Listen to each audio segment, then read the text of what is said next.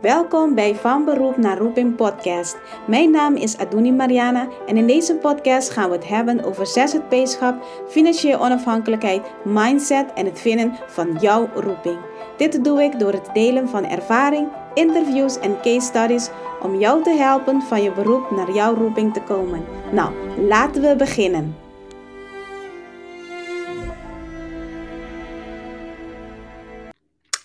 Hallo, hallo, goedemorgen, goedemorgen. Welkom weer bij een Van Beroep naar Roeping live. Um, vandaag gaan we het hebben over frequentie en consistentie in je onderneming. Ik hoop dat je mij goed kan zien en mij goed kan horen. Um, er is, ik weet niet of het door de storm is of zo, maar mijn verbinding die is een beetje instabiel. Dus ik hoop dat dit helemaal goed komt. Anders zie ik na de opname, kijk ik wel terug of het goed is. En dan doe ik het helemaal overnieuw. Ja?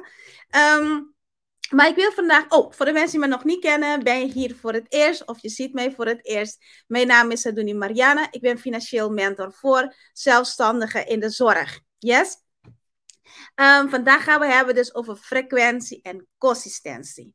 Wat is frequentie en wat is consistentie? En hoe, waarom is dit relevant voor jouw onderneming? En waarom is het relevant voor jou als, zelfstandige, um, zelfstand, ja, zelfstandige in de zorg?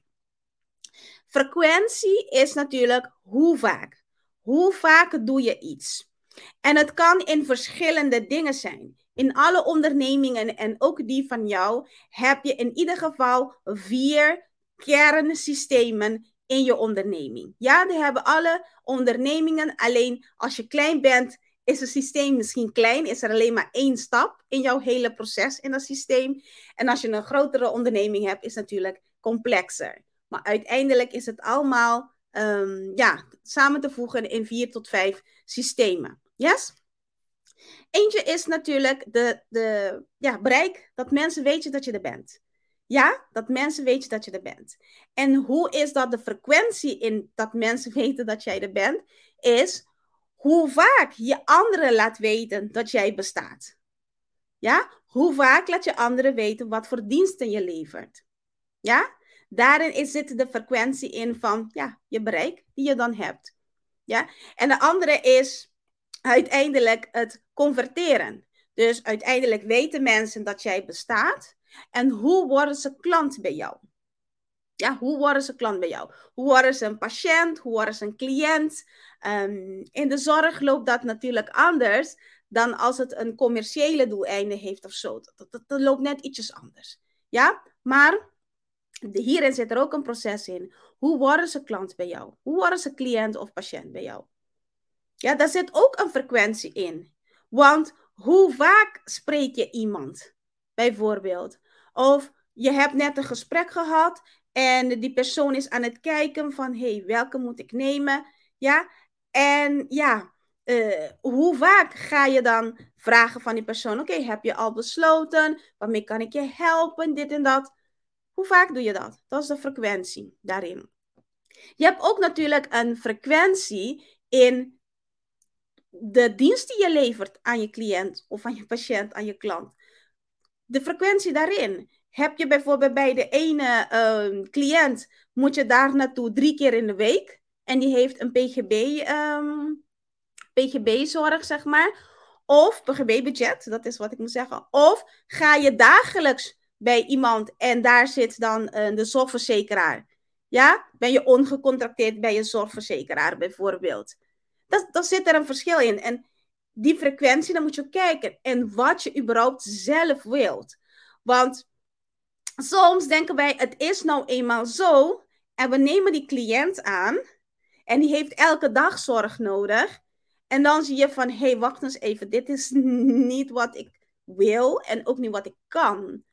Want als jij zes dagen in de week wil werken of vijf dagen in de week, als je een cliënt krijgt die zeven dagen in de week zorg nodig heeft, de frequentie waar jij je dienst moet leveren is te hoog. Ja, dat wil je natuurlijk niet. Maar andersom kan het ook. Misschien heeft een cliënt alleen maar een uurtje nodig in de week en je wil niet al die kleine losse cliënten. Ja? Dus de frequentie is daar ook belangrijk. En de frequentie van hoe jij je administratie doet en je geld binnenhaalt, Dat is natuurlijk ook super belangrijk. Want die frequentie van wanneer stuur je een factuur? Wanneer moet die factuur betaald worden? Wanneer ga je kijken of het allemaal wel klopt? Wanneer ga je kijken van naar je cijfers?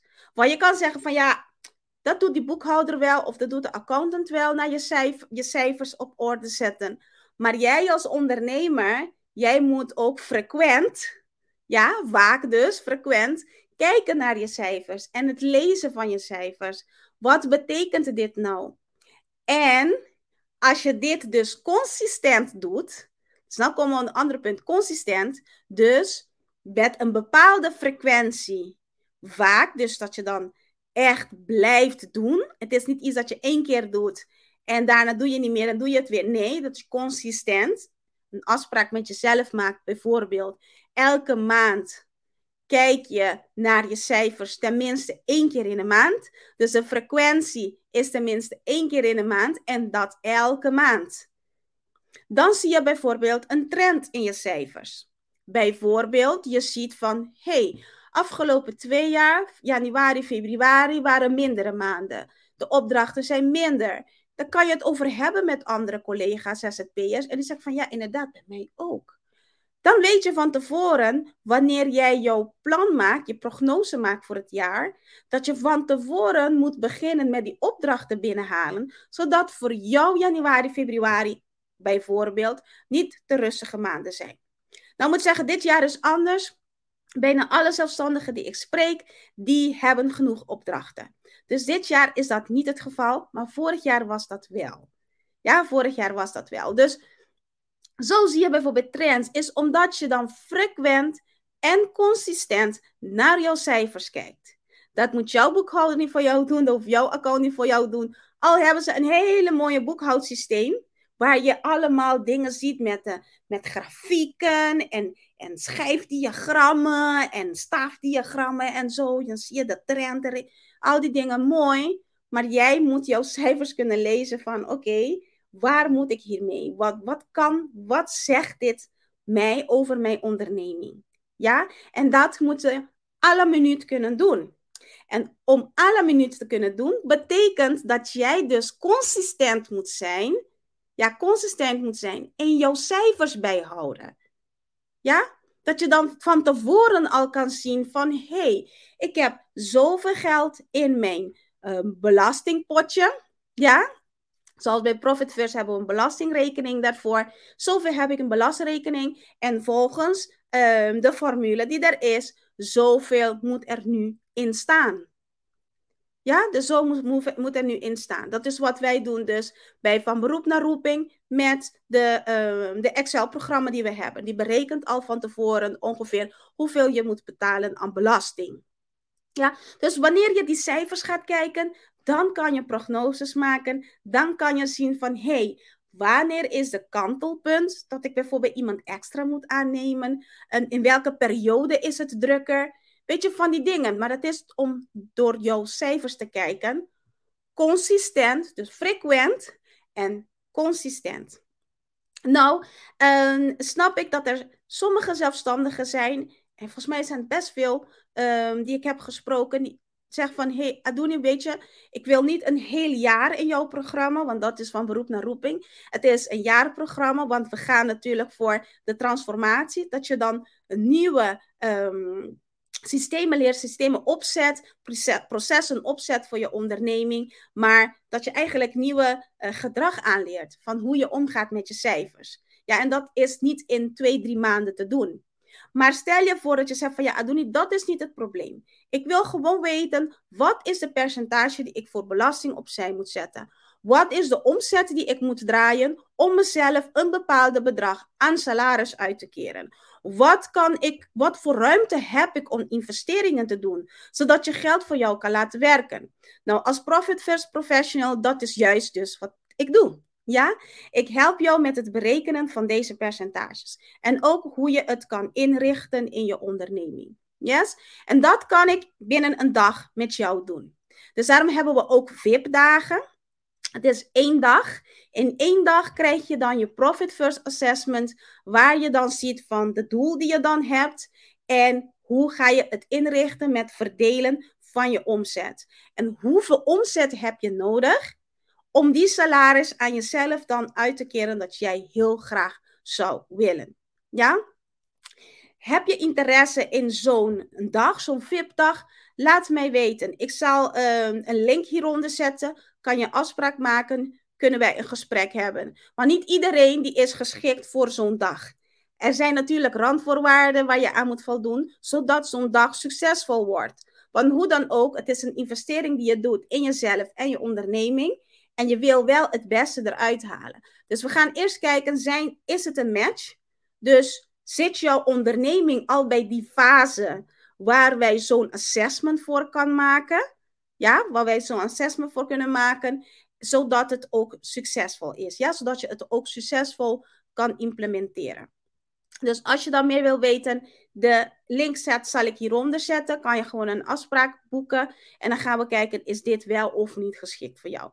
En als het niet geschikt is voor jou, dan zal ik je ook twee, drie tips geven van, hey, um, wat kan je doen zodat het beter voor jou um, werkt? Ja, zodat jouw cijfers, zodat jij beter je cijfers kan lezen. Ja, want als je daar nog niet bent, ja, dan, dan heeft het geen nut. Maar boek je gesprek en dan kunnen we erover hebben. Yes? Wat houdt zo'n dag in? En dan kan ik me voorstellen dat van ja, wat houdt dan een VIP-dag in?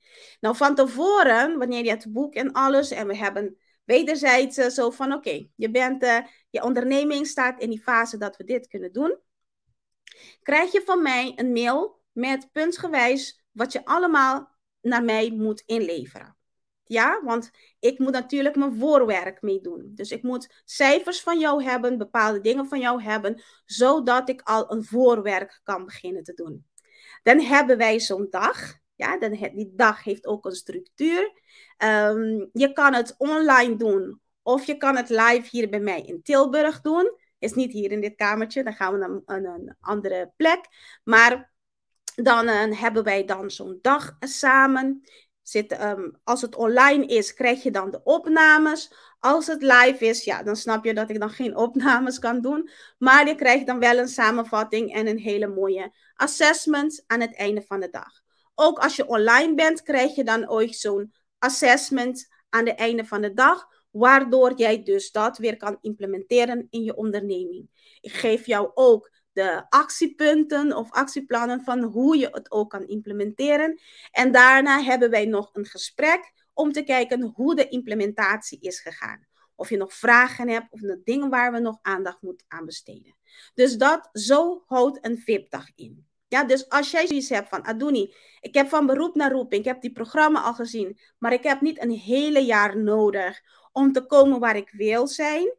Maar ik wil wel mijn percentages berekend hebben. Ik wil wel weten hoeveel omzet ik moet draaien, zodat ik mezelf een bepaalde salaris kan uitkeren. Ik wil wel weten wat is de marge die ik heb om bepaalde investeringen te kunnen doen. Boek je gesprek en dan gaan we kijken of zo'n VIP-dag ehm, iets voor jou is. Of het klopt bij de fase waarin je zit in je onderneming. Yes? Nou, dankjewel voor het kijken. En uh, ik zou zeggen, boek je gesprek en tot volgende week weer. Yes?